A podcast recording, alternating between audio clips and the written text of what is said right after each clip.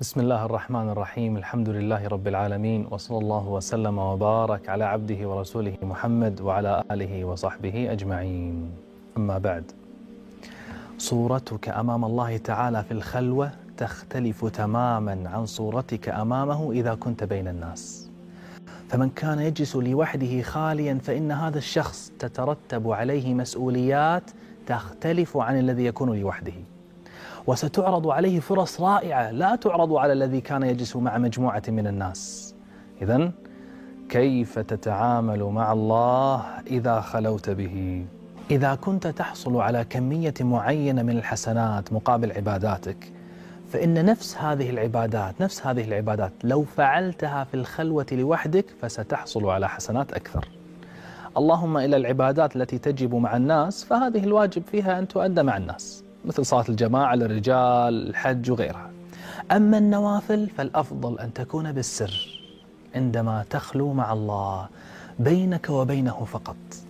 والإنسان الذكي يعرف قيمة الخلوة وعليه أن يستغل وجوده لوحده بأعمال معينة. لو عملها في غير الخلوة لما حصل على نفس الأجر.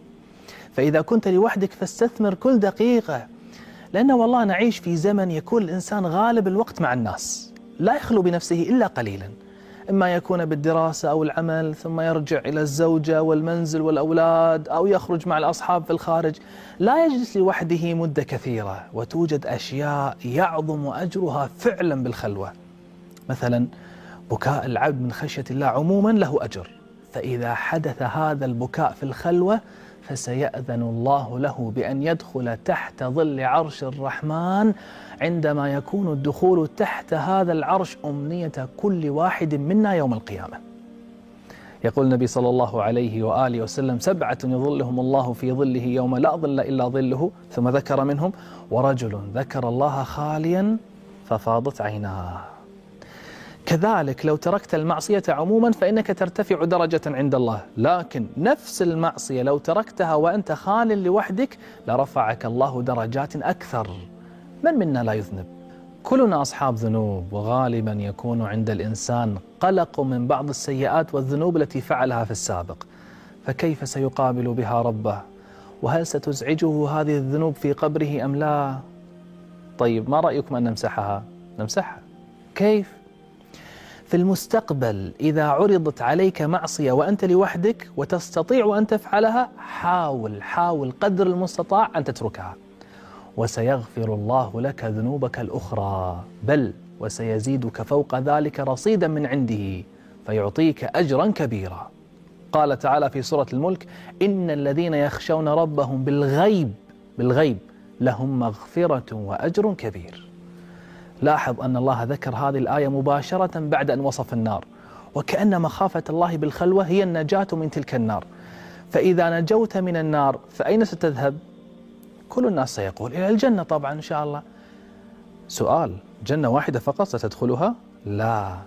الذي يخاف ربه لا يحصل على جنة واحدة فقط بل يحصل على جنتين اثنتين. الناس عندهم جنة واحدة وهو يملك جنتين اثنتين. قال تعالى ولمن خاف مقام ربه جنتان. يقول بعض الصالحين كم من معصية كم من معصية في الخفاء منعتني منها هذه الآية.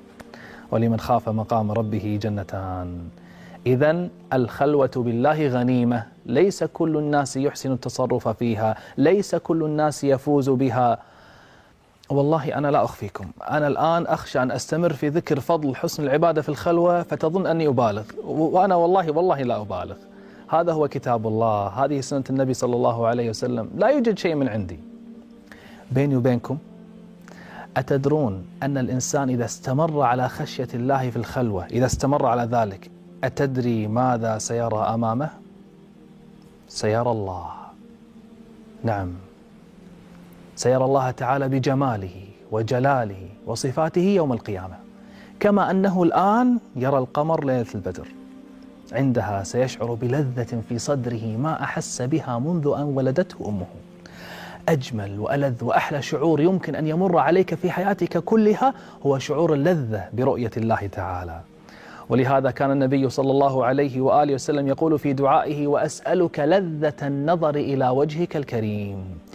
أي شيء أحلى من أن يكون الله تعالى الذي لا إله إلا هو متجليا لك. قد كشف لك عن الحجاب. فينظر العبد إلى الله تعالى نظرة لا مثيل لها. كل هذا لأني خشيته بالخلوة؟ نعم طبعا. هو الذي حكم بذلك. قال تعالى في سورة قاف من خشي الرحمن بالغيب وجاء بقلب منيب ادخلوها بسلام. يعني ادخلوا الجنة. ذلك يوم الخلود. لهم ما يشاءون فيها يعني في الجنة. ولدينا مزيد. أتدري ما هو المزيد؟ المزيد هو رؤية الله تعالى كما ذكر ذلك النبي صلى الله عليه وسلم. جبريل أخبر النبي عليه الصلاة والسلام أخبره بأنهم يسمون اليوم الذي يرى فيه الخلق ربهم يسمونه يوم المزيد. هل لاحظت معي كيف أن الجزاء من جنس العمل؟ لاحظ. لما ترك العبد المعصية أثناء الخلوة لأن الله تعالى ينظر إليه. ترك المعصية أثناء الخلوة لأن الله ينظر إليه. أعطى الله تعالى العبد يوم القيامة النظر إليه. ومن حسن تعاملك مع الله تعالى إذا خلوت به أن تستشعر المحبة أنك تحبه لأن المحب دائما يريد أن يخلو بمحبوبه فيكلمه ويشتكي إليه. قلت لليل هل بجوفك سر عامر بالحديث والأسرار؟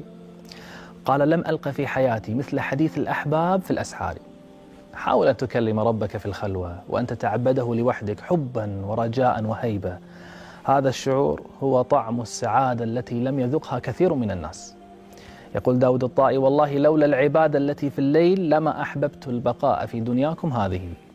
ويقول آخر والله إني لتمر بي أوقات أقول إذا كان أهل الجنة يحسون بالذي أحس به الآن إذا هم بخير. أحيانا يسجد الإنسان سجدة طويلة يكلم فيها ربه يتكلم يتكلم ولا يشعر بطولها. من من أحلى الدمعات والله دمعة الخلوة. ولا يعرف معنى هذا الكلام إلا الذي ذاقه. فهنيئا لمن كان بينه وبين ربه حب وعبادة وركعات في الخلوة. لأن الله تعالى يعد لهؤلاء مفاجأة يوم القيامة لم يكشف عنها سبحانه. قال تعالى عن الذين يتعبدون بالخلوة فلا تعلم نفس ما أخفي لهم من قرة أعين. أعد لهم مفاجأة. لكن ما هي هذه المفاجأة؟ الله أعلم. هو قال سبحانه فلا تعلم نفس ما أخفي لهم. لا تعلم يعني لا تعلم. لكني متأكد بأنها مفاجأة جميلة ورائعة لأنه سبحانه جميل ويحب الجمال. اختياراته دائما تكون جميلة مثل سبحانه. هو عودنا على ذلك. وانظروا كيف أن أهل الخلوة أخفوا عباداتهم في الدنيا فأخفى الله جزاءهم الذي سيكون في الآخرة. جزاء من جنس العمل. زيادة في التشويق والسعادة.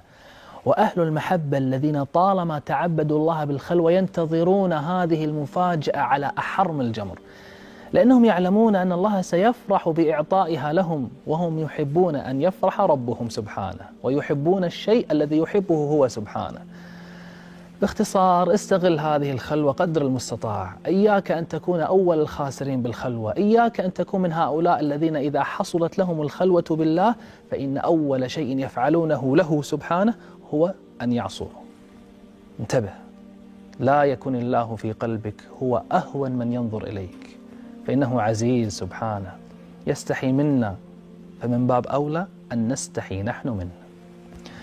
اللهم اقسم لنا من خشيتك ما تحول به بيننا وبين معصيتك ومن طاعتك ما تبلغنا به جنتك ومن اليقين ما تهون به علينا مصائب الدنيا.